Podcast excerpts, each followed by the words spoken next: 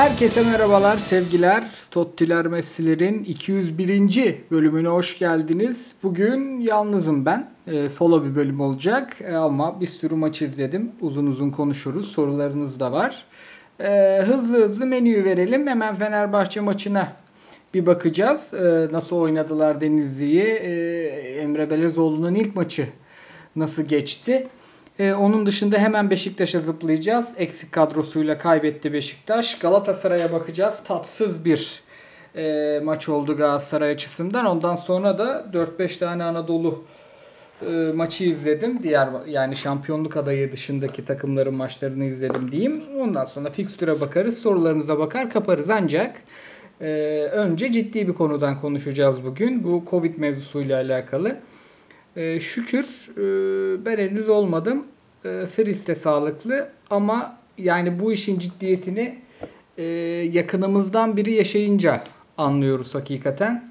E, kıyıcı şu an Covid ve e, çok hafif bir şekilde akta, atlatmıyor. E, burada hani hayati bir durum söz konusu değil şükür. Ancak gerçekten ağır geçiriyor. Ağır geçirdiğinde de hani bize yaşadıklarını anlatıyor sağ olsun e, izin de aldım kendisinden. Hani dinleyicilerimizin de haberi olsun dikkat etsinler dedi. Yani kıyıcıyı görmeyenlere söyleyelim herhalde. Hani ayağı kırılsa bir gün sonra fark edecek bir arkadaşımız 1.90 boy dalyan gibi adam. Yani onu yatıran virüs bize takla attırır beyler. Sürekli bir e, ağrı, işte sürekli bir öksürük, sürekli bir ateş, sürekli bir halsizlik ve başa çıkmanın kolay olmadığı bir virüs olarak bize hani bayağı bir tembihledi. E, dikkat edin, dikkat edin, dikkat edin diye. Hastanelerin de durumu pek iyi değil. Hani o evde atlatıyor şükür ama hastanelerde biz atıyorum biz hastanelik olduğumuzda orada da e, şu an dolu pardon boş hastane, boş yatak bulmak kolay değil. E, lütfen hani ben yarın dışarıda olacağım. Şimdiden stresi korkusu hafif sardı. Lütfen kendinize dikkat edin olabildiğince. Ee, burada bazı şeylerimizin, prangalarımızın olmadığını biliyorsunuz. Şunu rahat rahat söyleyebiliyoruz. Devletimiz e, vatandaşlarını korumak için çok mahir değil. Aciz dersek e, sıkıntı çıkar ama mahir değil dersek herhalde bir şey olmaz. Siz anladınız beni. O yüzden biz kendimizi korumak zorundayız.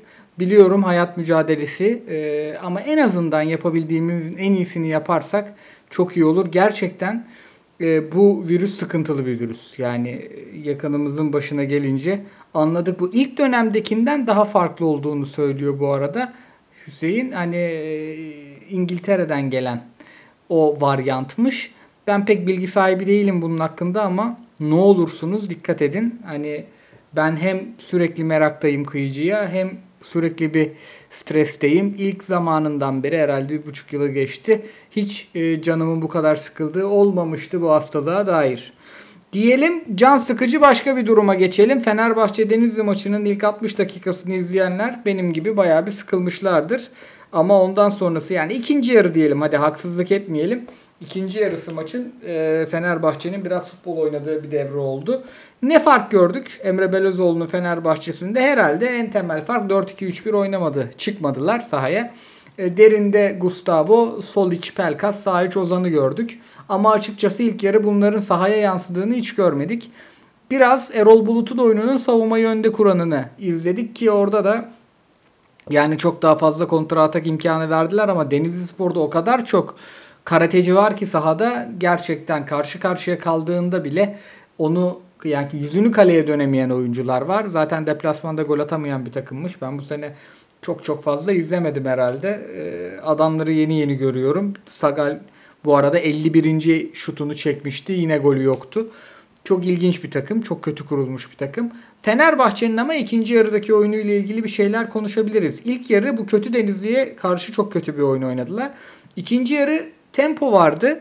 Ee, yine sahayı enine açıp e, doldur boşalt orta kafa gol vardı. Ama onun dışında şöyle bir artısı vardı. Herhalde iki iç oyuncusuyla oynamanın verdiği bir katkıdır bu. Dönen topları hemen alıp sürdüler. Yani topu geri kazanma süreleri çok kısaydı. Fenerbahçe 35-40 tane orta yapmıştır ama sanki 35-40 orta yapmış gibi gittili geldi bir maç olmadı. Dönen topları alıp geri rakip sahaya servis ettiler hep. E, bir de pozitif bir şey daha söylemek gerekirse e, özellikle 1-0'dan sonra Deniz iyice helva gibi olmuştu. Bunun da parantezini açarak söyleyeyim ama İrfan Can girdikten sonra gerçekten İrfan Can e, kalitesini gösterdi. E, attığı gol çarparak girmişti zaten ama onun dışında da hem dribbling kabiliyeti hem durduğu yer hem işte sahada tahmin edilemeyen şeyleri yapmasıyla faydalı olacağını gösterdi. Muhtemelen Malatya deplasmanında e, sol içte ya da sağ içte göreceğiz kendisini. Çünkü hakikaten Fenerbahçe'nin şu an Mesut da yokken sahada sahip olmadığı o yaratıcılığı gösterebiliyor. Onun dışında Fenerbahçe hakkında iyi bir şey söylemek hiç kolay değil. Gerçekten yani şu artık şampiyonluk yarışında 3 puanın önemli olduğu, oyunun çok önemli olmadığı dönemleri girdik. Peki ama yani hiç izlemedik ki oyun. Açıkçası Galatasaray'da da konuşacağız onu. Fenerbahçe bu oyunda şampiyon olabilir mi derseniz bence olamaz derim ama Emre Belözoğlu açısından 3 puanla başlamak gayet iyi olmuştur. Beşiktaş'a geçelim. Beşiktaş haftanın günahsız kaybedeni herhalde. O kadar çok eksikleri vardı ki yani neden Rozier sağ açık oynadı diye kızanları anlayamadım. Hiçbir alternatifleri yoktu çünkü. Ee, Sergen Yalçın Gökhan Tören'in 90 dakikayı çıkarmasının imkansız olduğunu söyledi maçtan önce ki Gökhan girdikten sonra oyun bayağı bir değişti. Beşiktaş baskı kurdu. Ancak ilk yarıda herhalde eksiklerin de etkisiyle en kötü Beşiktaş'ı izledik. Ee, burada Kasımpaşa da bunları değerlendirebildi. O da çok iyi bir kadro değil ama Şenol Can enteresan bir hoca. Bu kadar çok topu bırakma, işte deplasman oyunu oynama meraklısı bir teknik direktör değil. Burada da hani cesur oynadılar Beşiktaş'ın da eksiklerinden faydalanarak. Ama e, Beşiktaş'ta şunu söyleyebiliriz. Yani çok günahları yok. Neden? Beşiktaş'ın orta sahasındaki üçlü işte Atiba'sı, Laiç'i, e, Josef'i öndeki üçlüye biraz bağımlı. E, her oyuncunun çok önemli defekleri var. İşte Josef'in hücum, hücumda eksikleri var çok iyi bir tamamlayıcı. Çıkıyor kafayı vuruyor, çıkıyor uzaktan şut atıyor ama organizasyonda çok eksik. E, Atiba'nın yaşı artık gösteriyor. La için fizik dezavantajı gösteriyor. Ve bunlar öndeki Abu Bakar'ın e, yaratıcılığına, oyun kuruculuğuna, onları topu tutup rahatlatmasına muhtaçlar. Sağdan Gezzal'in yaratıcılığına muhtaçlar. Onun oyun kurucu özelliklerine muhtaçlar. Yani aslında Beşiktaş Gezel ve Abu Bakar'ın beşlediği bir orta saha ile oynuyor ve bu sayede Larin'e bir araba gol attılar. Bu beşli orta saha olmayınca yani öndeki üç oyuncunun işte biri zaten Rozier Sabek pek beceremedi oraları. E, Santrfor'un Larin olduğunda yani topa bir kere dokunup golü yapmasını istediğiniz oyuncunun artık orta sahalaşması gerektiğinde pe onu da beceremesin zaten o çocuk. E, solda da Enkudu zaten bunlar çok top kaybeden oyuncular. O da orta sahalaşmayı beceremiyor. Oyun kuruculuk işlerini yapamıyor. Rozier biraz Gezzalcilik oynamaya çalıştı. E, onu Gezzal zor oynuyor zaten. Çok özel bir rolü. E, onun günün sonunda da Beşiktaş eksikleri yüzünden kaybetti. Sadece burada canımı şu sıktı. Benim Sergen Yalçın bence yılın hocası. Beşiktaş şampiyon olamasa da yılın hocası. Ama yani tedbir almak için hakem eleştiriyorum bana çok çiğ geldi. Yani büyük takım teknik direktörü olmanın da bir e, ağırlığı olması lazım. Yani ileride hata yapmasın diye şimdiden hakemlerin damarına basmaya çalışmak çok çocukça. Hiç yani Sergen Yalçın'ı Ali Koç'tan, Fatih Terim'den, e, Yusuf Günay'dan ayırmıyorum. Ama keşke ayırabilsem çünkü o Sergen Yalçın. Yani hatta Fatih Hoca'yı biraz ayırıyorum o konularda. O da e, ya da niye ayırayım ya hepsi aynı bunların. Devam ediyorum. Devam ediyorum. Ee, eksik kadroyla Beşiktaş'ın Alanya maçı kritik. Neden kritik? Alanya'da eksik ama Beşiktaş kaybederse Fener de kazandıktan sonra sıkıntıya girebilir. Galatasaray hafta içi bay ve Galatasaray'ın çok e, göremiyoruz buralarda. Yani şampiyonluk yarışında mı kendileri de çok emin değildir ondan. Ama e, Beşiktaş'ın Alanya deplas Alanya maçı deplasmanı çok kritik. Deplasman mı iç saha mı iç sahaydı çok kusura bakmayın fikstürde tekrar kontrol ederiz. Diyelim Galatasaray'a geçelim. Galatasaray çok büyük hayal kırıklığıydı. Hakikaten böyle kötü oynanmaz. Açıkçası ben bu maçtan bir puana e, çok üzülmezdim. Hatta bir puana sahaya çıkmayanlar da vardır. Ama şunu söyleyeyim. Oyunun hiçbir döneminde direksiyona geçememek kötü. Yani Galatasaray'ın eksikleri var ama Hatay Spor'da çok tam kadro değildi. Bir de Hatay Spor'un çok tam kadro hali de çok iyi bir kadro değil. Yani şunu gördük. İyi çalıştırılmış, iyi bir planı olan, iyi bir hocası olan bir takımla iyi çalıştırılmamış bir takım gördük açıkçası ve şunu e, artık adını koymamız lazım. Galatasaray'ın kayıplarını eksikler üzerinden okuyamayız. Neden okuyamayız? Çünkü ya 5 kişilik transfer listesi açıklandığında Galatasaray'ın santrforları varken santrfor vardı. Belhanda'sı, Fegulisi, Arda'sı e, varken işte orta sahasında Emre'si varken sağ iç sol iç oynayabilecek oyuncuları varken İrfan açıklandı. Sağda Fegulisi vardı, Oğulcan'ı vardı, Kerem'i vardı. Bunlar atıyordu, oynuyordu. Vişça açıklandı. Yani Galatasaray'ın 5 kişilik transfer e, listesinin içerisinde sağ beki saymıyorum. Omar sakatlandı. Normal bir istek ama ne bir stoper yedeği vardı ne bir Taylan'a yedek vardı.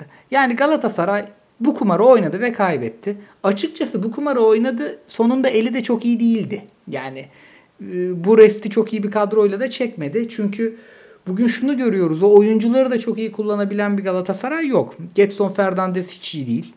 Yani stoperde özellikle berbattı. Geldiğinden beri de fark yaratamadı. Mustafa Muhammed elimizdeki tek değer. Onyekuru oyunu isteyen bir oyuncu. Onyekuru olmayandan yapan bir oyuncu değil. Oyuna muhtaç bir oyuncu. Çünkü çok ince, çok kolay kırılabiliyor sahanın içerisinde. Zaten bu yüzden gidiyor gidiyor geliyor. O, oyun varken harika, oyun yokken kötü. Ve zaten sıkıntımız da şu oyun yok. Oyunun olmadığını şuradan da anlıyoruz. Sonradan giren Falcao yürüyen Muhammed'den çok daha iyiydi. Mesela hani milli arada evde oturmuş Falcao neden bu maç tercih edilmedi? Edilebilirdi. Oğulcan sahaya girdi fark yarattı. Çalım attı bilmem ne yaptı. Yani Galatasaray'ın ölü gibi oynayan 11'inden çok daha iyi iş çıkardı girenler. E sonra tabii ne oldu? Galatasaray bir orta sahayı boşalttı. Bizim klasiğimiz artık. Fatih Hocam yapıyor bunları. İşte yani cesaret fazla forvet sokmak olmuş. Yani Fatih Hoca'nın e, çok cesur 4 2 stoperden üçlüye döndüğü maçları da hatırlıyorum ben. E, ve maalesef kötü hocalıkla, kötü performansla kaybedilen bir 3 puan hatta belki de şampiyonluk yarışı oldu. Bundan sonra Fritz'e sormayı e, çok istediğim şeyler vardı. Onların bir kısmını perşembeye bırakacağım ama şu planı çok sevmiştik onu bir dile getireyim. Fegoli'nin etrafında hareketli Taylan arkasında. Yanında hareketli Emre. işte sağında hareketli Oğulcan. Önünde hareketli Mustafa Muhammed. Solunda uçak Onyekuru. Sağ bekten işte gelen hareketli Yedlin. Böyle bir hani güzel bir e, oyun yakalamıştı Galatasaray. Ben açıkçası Galatasaray'dan kalan 10 maçta şampiyonluk falan beklemiyorum. Herkes Covid'ken, eşimizi dostumuzun sağlığını merak ederken televizyona baktığımda keyifli bir şey izlemek istiyorum. Ve Fatih Hoca bunları yapabilecek tek hoca şu an ligde. Yani en iyi hocası ligin açık ara. Ama nedense o da Türk futbol ailesinin belirli hastalıklarından muzdarip e, yakalanıyor. Olmuyor bazen. Ve şundan korkuyorum açıkçası. Fatih Hoca döneminin sonuna mı geldik diye endişeleniyor, endişeleniyorum. Çünkü Fatih Hoca onu o yapan birçok şeyi pek gösteremedi bu sezon. Yani bazen e, tutmayan oyunlardan çok hızlı döner. Bazen bir şey tuttuysa arada başarısız olsa bile hiç vazgeçmez ve bunların zamanlamasını o kadar iyi ayarlar ki hep oyuncuların yapamadıklarını kapatır. Yani yapabildiklerini maksimize eder. Bunların çoğunu göremedik. Yani Getson'un iyi bir driplingçi olduğu meydanda. Bize faydası olmuyor. Feguli'nin oyun kuruculuğu olmuyor bize faydası. Yedlin'in inanılmaz sürati olmuyor. Yani özellikle Taylansız maçlarda çok kötü bir Galatasaray izledik hep. İki forvetli maçlarda savunmadan çıkamayan bir Galatasaray izledik ve özellikle o 8 maçlık seriden sonra çok başarısızız. Ee, bunlar da herhalde bizi bu e, sezon özellikle Fenerbahçe'nin de galibiyeti almasından sonra e, kopardı gibi ligden. Çünkü iki rakiple birden baş edebilecek bir oyun var mı emin değilim. He, ama şu da var. E, cebinde ekstra bir kağıdı olacak tek hoca şu an Fatih Terim ligde. Yani bir şeyler de olabilir. Biz Galatasaray taraftarı biraz zaten pimpirikliyizdir bu konularda. E, ama yani işte hakem, e, adaletsizlik, TFF ile kavga, şunla kavga, bununla kavga Hoca bunları oyun yokken de yapmaya başladı. Ee, podcast'ın başında da söylediğim gibi. Yani nasıl Sergen Yalçın'la Alper Pirşen'i bir şey ayırmalı. E, hocayı da ayırmalı. Hoca çok büyük bir efsane. Hoca ligin üstünde. Hoca Türk futbolunun üstünde bence. Ama yani toptan çok kavga gördük. Ee, özellikle şu seriden sonra keşke top görseydik. Keşke küfürden, kafirden fazla hocayı kenarda görebilseydik. Diyelim Anadolu'dan notlarımıza geçelim. Ay time kodumu yanlış almışım. Yalnızlığın sorunları kusura bakmayınız. Şöyle yazayım hemen. Alanya Gençler Birliği maçını izledim. Ya Alanya o artık klasik %60-70 topla sahip olabileceği oyunu oynayamayacak kadar eksikti. Ama oynadı ama yenildi. Ee, önde çok kalite eksiği var artık. Yani Çağdaş Atan şunu gösterdi. İyi bir oyun oynatan bir hoca bu. Ee, yani ama bunun için kalite de lazım. Ee, şunu söylemişti biz işte Bakasetas gittikten sonra daha dinamik bir takım olacağız. Daha baskıya önem veren bir takım olacağız. Biz bu konuda dersimizi çalıştık demişti ama yani izleyenlerin de keyif alması açısından sanki Çağdaş Hoca'nın işte 6 numarasız, full kalite, e, çok fazla oyun kuruculu, sürekli topa sahip olan, beklerini iyi kullanan, Santrfor'undan güzel bir kanat forveti yaratmıştı Babakar'dan. Ondan verim alan. İşte yani bu takım bir Bakasetas'ın muadili bir Barreiro'dan iyi santrforla çok keyifli bir takım olur. Ama çok kötülerdi. Yani eksikler. Ya Beşiktaş maçı gerçekten iki takım için de sıkıntılı. Ondan sonra Erzurum Konya'yı izledik ve yani Erzurum Spor'un yönetimini tekrar tebrik ediyorum. 10 hoca daha yer o geri dörtlü. Topa vurabilen hiç kimse yok. Yani ve şeyi çok iyi çözmüşler. Giren hakikaten çıkanı aratmıyor. Aynı kötülükte savunmacılar giriyor. Konya Spor hiç hareket etmese iki tane atardı attı. Sivas Spor Trabzonspor maçını izledim. Bence bu hafta izlediğim en iyi maçtı. Ee, Rıza Hoca'nın takımı Avrupasız böyle yani biraz dinlendiği zaman keyif veriyor adamlar hakikaten. Rıza Hoca çok kızıyor işte maç takvimine falan ama hakikaten haklı herhalde adam. Onun takımları dinlenince oynuyor. Trabzonspor da fena değildi ama o yaldızlar kaçmış biraz ama iyi bir maçlarıydı. Yani Zaten iyi oynamasalar Sivas kazanırdı. Hatta biraz daha maç Sivas'a bakıyordu. Onun dışında Kayseri Göztepe'yi izledim. Zaten kaç maç olmuş? 4, 3 daha 7. Gezerek baktıklarımda 9 maç izledim. Ee, zaten haftada 10 maç oynanıyor. Vallahi müthiş. Tolum çıkarmışız hocam. Zaten ondan yaptım podcast'i de. Hani ben çok izlememiş olsaydım haftaya görüşürüz derdim de e, soracağımız kadar cevabımız da vardı bu hafta. Ünal Hoca çok gol yiyen, e, kötü bir kadrosu olan yani muhtemelen yerlileri düşün Erzurum Denizli seviyesinde bir takıma dönüşüyor Göztepe'de maalesef. Çok üzülüyorum. E, biraz daha baskıyı geriye çekerek stoperlere basmayarak hatta ön liberolara da çok gitmeyerek daha tedbirli bir takım çıkardı. O da iyi oynayamadı maalesef. Yani savunmayı önde yapamıyor bu takım. Geride de yapamıyor. Ama Adis gol attı. En azından e, nostaljik bir sevinç olmuştur. O maçta 1-1 bitti. Gerçekten bu sene uzun süredir izlemediğim kadar kötü takım var ligde. Yani geçtiğimiz seneleri mumla arıyoruz. Hadi bakalım önümüzdeki haftanın e, fikstürüne önümüzdeki hafta dediğimizde yarın. bu arada yarın neler oynanacak? Karagümrük Hatay 4'te. E biz Karagümrük'le oynayacağız. Gerçi ben dışarıda olacağım ama ofiste yani evde olsam, home office olsam açar bakardım. Göztepe Rize e, izlenir ama Karagümrük Hatay tercihimizdir burada. Akşam 7 Trabzon Kayseri ve he, Trabzon Kayseri tekmiş pardon. Bu da izlenir. Güzel maç olur. E, düşme potasına bir bakacağız bu arada fikstürden sonra. Hatta fikstürden önce bir bakalım da fikstüre kan gelsin. Eee 18. Kayseri 32. Hala atamadı kendini. Gençler Birliği 3 maçtır kazanıyor o berbat kadroyla. Yani Süper Lig'i tebrik etmek lazım. E, 30 puan hala kurtaramadılar. Erzurum bence kopuk uçurtma. Yılmaz Vural zaten abi yani belli YouTube'a içerik çıkarmaya gitmiş hocam. E, Denizli Spor bence düşer. Çok kalitesiz bir kadro. Ama Ankara gücü Kayseri Malatya, Başakşehir kurtarır gibi ama bakın maç fazlası var. Hatta Kasımpaşa kazanmasına rağmen bu babalar hala sallantıda. Bu babaların maçlarını dikkatli takip edelim. Ne dedik? Karagümrük Hatay dedik. Ee, izlenir. Göztepe Rize dedik. izlenir. Trabzon Kayseri dedik akşam bu izlenir. Ertesi güne geçtik çarşambaya. Konya Spor Ankara gücü. Burada Ankara gücünün kurtarması lazım. Ee, Konya rahat ama şey fena top oynamıyorlar. Yani fena top oynamıyorlar dediğim şu seneki ligin standardındalar. Ankara gücünün bir şeyler yapması lazım. Ee, saldıracaklardır. Hani artık düşme potasının Canavli ile oynadığı haftalara geldik. Oynayacaklardır. izlenir. Gençler Erzurum aman Allah'ım. Aman Allah'ım. Bu maçta topa sabır diliyorum ya. Bu neymiş böyle ya? Ama izlenir. Kaybeden düşer zaten. Yani gençler gerçi Erzurum kaybederse düşer. Beşiktaş Alanya. Çarşamba akşam 7 çok kritik maç. Tabi Şampiyonlar Ligi maçlarımız da var beyler. Yani Covid'den kendimizi korursak güzel hafta. Sivas e, Antalya maçı da var ama herkes herhalde Beşiktaş Alanya izler.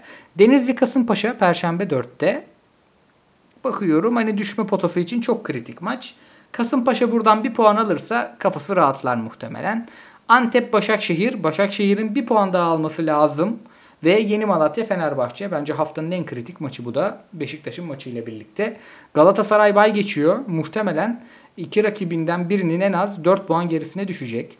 Yani Beşiktaş ve Fenerbahçe birer puan alsalar bile zaten e, Beşiktaş'ın e, maç eksiği olmadan 4 puan pardon özür evet 4 puan gerisinde olacak 2 maç. Fenerbahçe kazanırsa Fenerbahçe'nin de 4, e, maç fazlası da olsa 4 puan gerisine düşecek. Yani 2 maç farkı kapatmaya çalışacaklar. Hem moral kötü hem oyun kötü hem kadro eksik. Çok merak ediyorum. Fatih Terim buradan çıkarabilecek mi? Haydi hızlı hızlı sorularınıza geçelim. Kusura bakmayın normalde solo podcast'te sorulara erken geçerim ama burada çok maç izledim hakikaten. Devam ediyoruz. Soru cevapta diyelim 21. dakika. Fikstürede artı düşme potası diyelim. Time kodumuzu da alalım.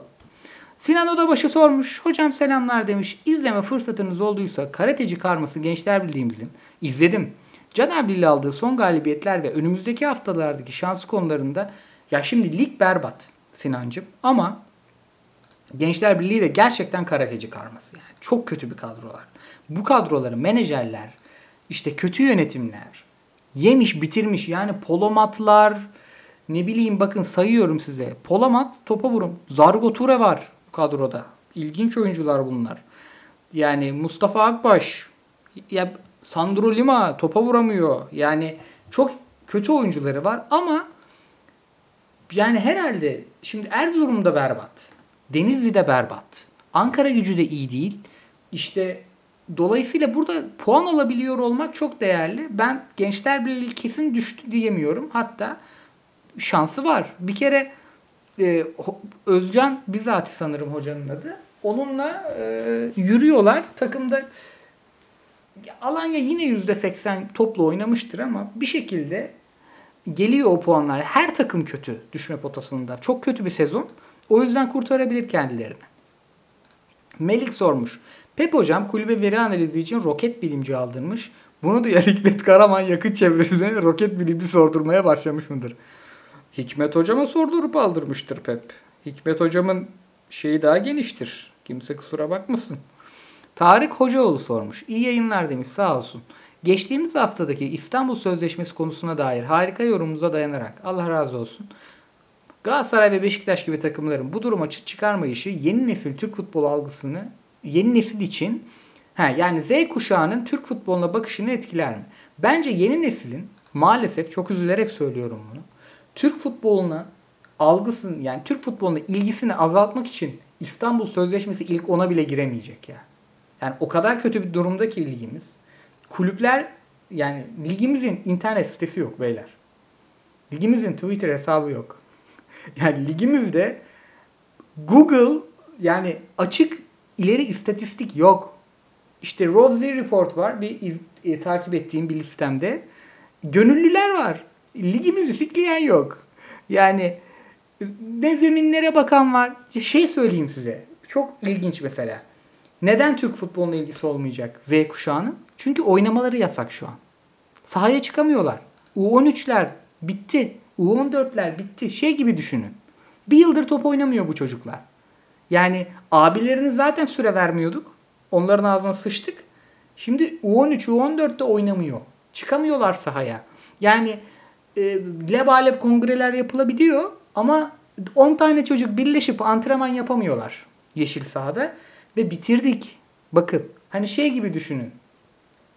Bazen bir bitkiyi toprak tutmaz solar. Biz hanımla bir sürü çiçek alıyoruz eve eşimle. Çok da seviyoruz onları. Doğru zamanda suluyoruz. Hep eşim yapıyor bunları bu arada. Dinleyince sen ne yapıyorsun lan diyecek haklı. Ama bazen olmuyor. Güneşe bırakıyoruz yanıyor. Beceremiyoruz. Yeni yeni öğreniyoruz. Abi Türk futbolu bir nesli yaktı ya. Yani izler misiniz?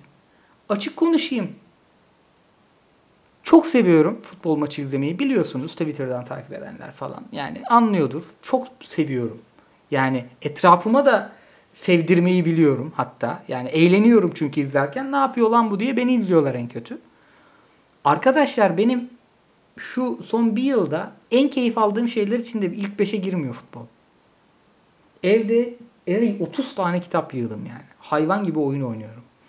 Bize bunu yaptıran hala her maç işte 9 tane maç izlemişim ama yani belki de çoluğum çocuğum olduğunda kitabımdan değil maçımdan kısacağım. Bana yapan bunu Z kuşağını kesin kaybetmiş zaten. Ya internet sitesi yok ya. Koray hocam iyi yayınlar demiş Devrim Süren. Bu arada Tarık'a çok teşekkürler güzel soru için. Galatasaray'ın son haftaki performansı sonrası futboldan uzaklaşmak için tavsiyeleriniz nelerdir? Çok zor yere geldin. Brom. İkinci bilgisayarım da önümde açık. Bir. Bedava reklam yapmayı sevmiyorum ama Game Pass'indir. Ayda 30 lira bütün oyunlar var. FIFA da var. 10 saat oynayabiliyorsun. Her oyunu oyna. Battlefield oyna, strateji oyunları oyna, Skyrim oyna. Skyrim müthiş bir oyun. Yani böyle seni oyalayacak, İngilizceni de geliştirir. Bir kere oyuna bir sarıyoruz beyler.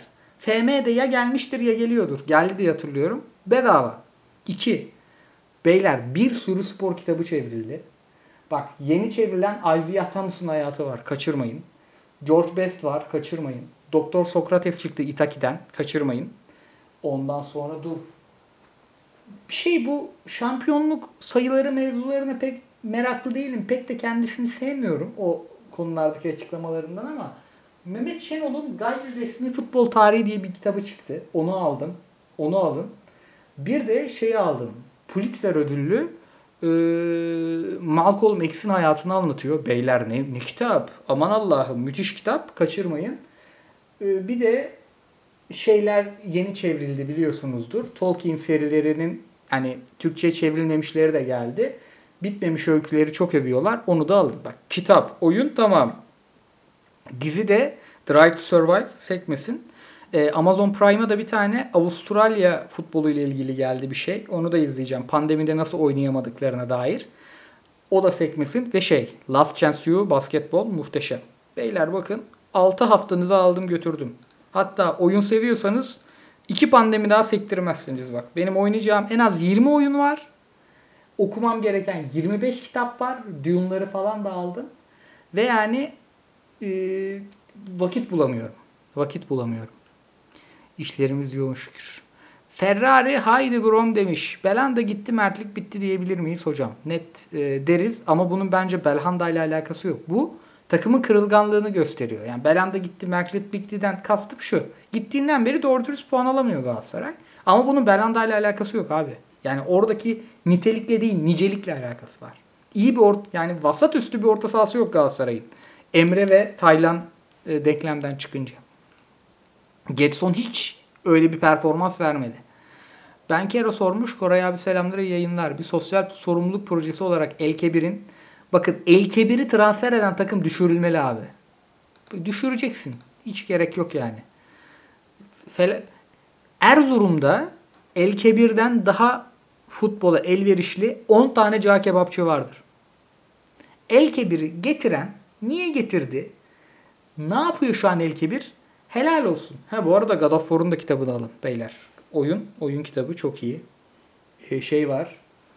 Ee, pikseller neydi? Kanter ve pikseller alın. Gaming sektörünün güzel kitaplarıdır okuyun.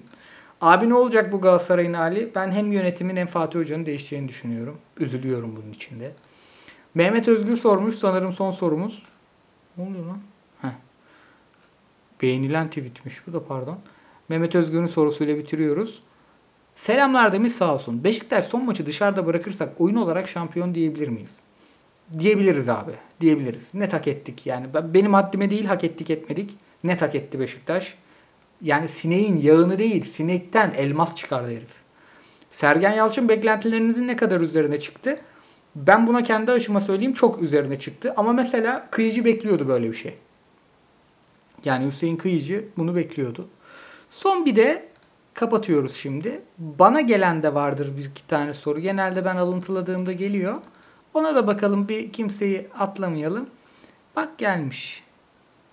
Gelmiş hemen bulayım. Evet selamlar iyi yayınlar demiş. Ee, Ros, Roshaş. Nasıl bir nick? Söylersen bana okunuşunu çok sevinirim. Her yıl 25 adam atıp alıp başlangıç teknik direktörüyle sezonu tamamlayamıyoruz. Bu kaçıncı kepaze olan sezon denmesin ve zeka seviyesi belli taraftar kitlesi hemen konsolide olsun diye Erol gider gitmez ortaya hedef 58 mevzusu atıldı. Ya ondan önce atıldı ya. Tabii ki havada kapışıldı. Yetmezmiş gibi Beşiktaş'ın başarısı 2-3 oyuncuya bağımlı ve riskliyken terim elleriyle inşa ettiği oyunu bozdu ve bu toksik camiaya adeta can suyu oldu. Valla ben hep Galatasaraylıydım. Belki Fenerli de Galatasaray'ı toksik görüyordur bilemem. Yani o yüzden o, o yoruma katılamıyorum şu an. Dışarıdan o kadar bakamıyorum. Mesela yani İngiltere Ligi'ne bakabilirim. Bütün şey taraftarların forumlarını okuyorum. Manchester United'lılar kadar leş bir kitle yok mesela.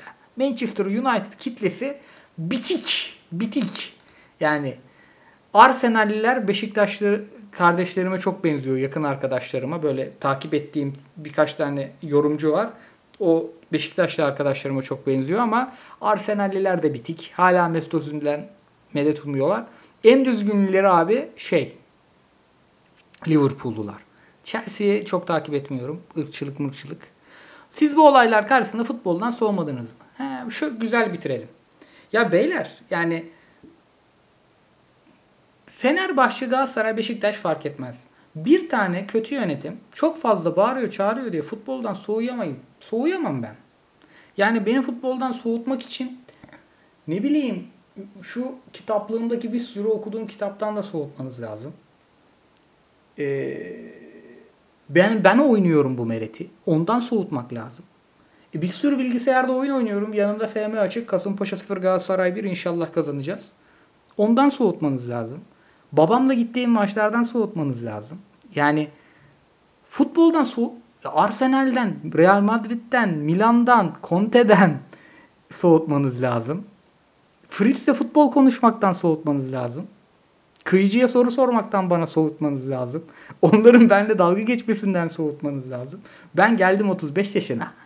Beni ben futboldan soğutuyorsam hayatımın bir kısmından soğuyorum demektir. Yani benim hayatımın bir yaprağı değil kökü futbol. Dolayısıyla Ali Koç istediği kadar sıçsın sıvasın. Hükümetin istediği kadar bu kulüpler kucağına otursun. Ben soğuyamam futboldan. Çok seviyorum yani. Ama Türk futbolundan uzaklaşır mısınız? Biraz daha Arsenal'li oluruz. Biraz daha FMC oluruz. Biraz daha kitap okuruz. Dinozor oluruz. Yani e, şey der evladım ya baba izlediğin maçın 10 katı kitap okuyorsun. Sen de konuşulmuyor bu futbol der. Ne sorsak bir anı anlatıyorsun der. O kadar da çekilmez verelim. Futboldan soğumayız yani. Siz de soğumayın. Siz de soğumayın. He, ama şu risk var. Benim spor izleyiciliğim tarafında şu risk var. Daha çok F1 izlemeye başladım. NFL'i daha çok izlemeye başladım. Eurolig'in şimdi playoff zamanı geliyor. Daha çok heyecanlanmaya başladım. Belki yaştandır, belki sporun bu halindendir. Belki evde yapacak şey bulamamaktandır diyeceğim ama az önce saydım ev gün 38 saat olsa yine sığmaz yine sığdıramam güne yapacaklarım. Ama herhalde öyle bir etkisi olur ama futboldan soğutmaz.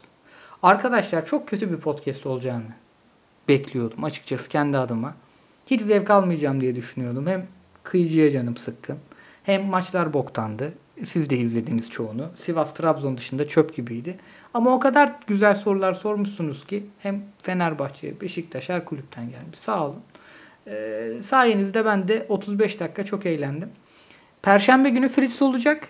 Kıyıcıyı sanmıyoruz. Çok iyi durumda değil. Konuşuyoruz ama. Update geçeriz. O da çok Twitter'da, WhatsApp'ta bunları dillendirmeyi sevmiyor ama siz önlem alın diye anlat Koray dedi. Yani bizi zaten dinleyen 5000 bin kişi onlar da e, önlem o kadar 3 kişi önlem alabilsek ben kıyıcı sayesinde iki maske takacağım e, yarın. Evladır. Dikkat edin kendinize. Perşembe görüşmek üzere. Hoşçakalın.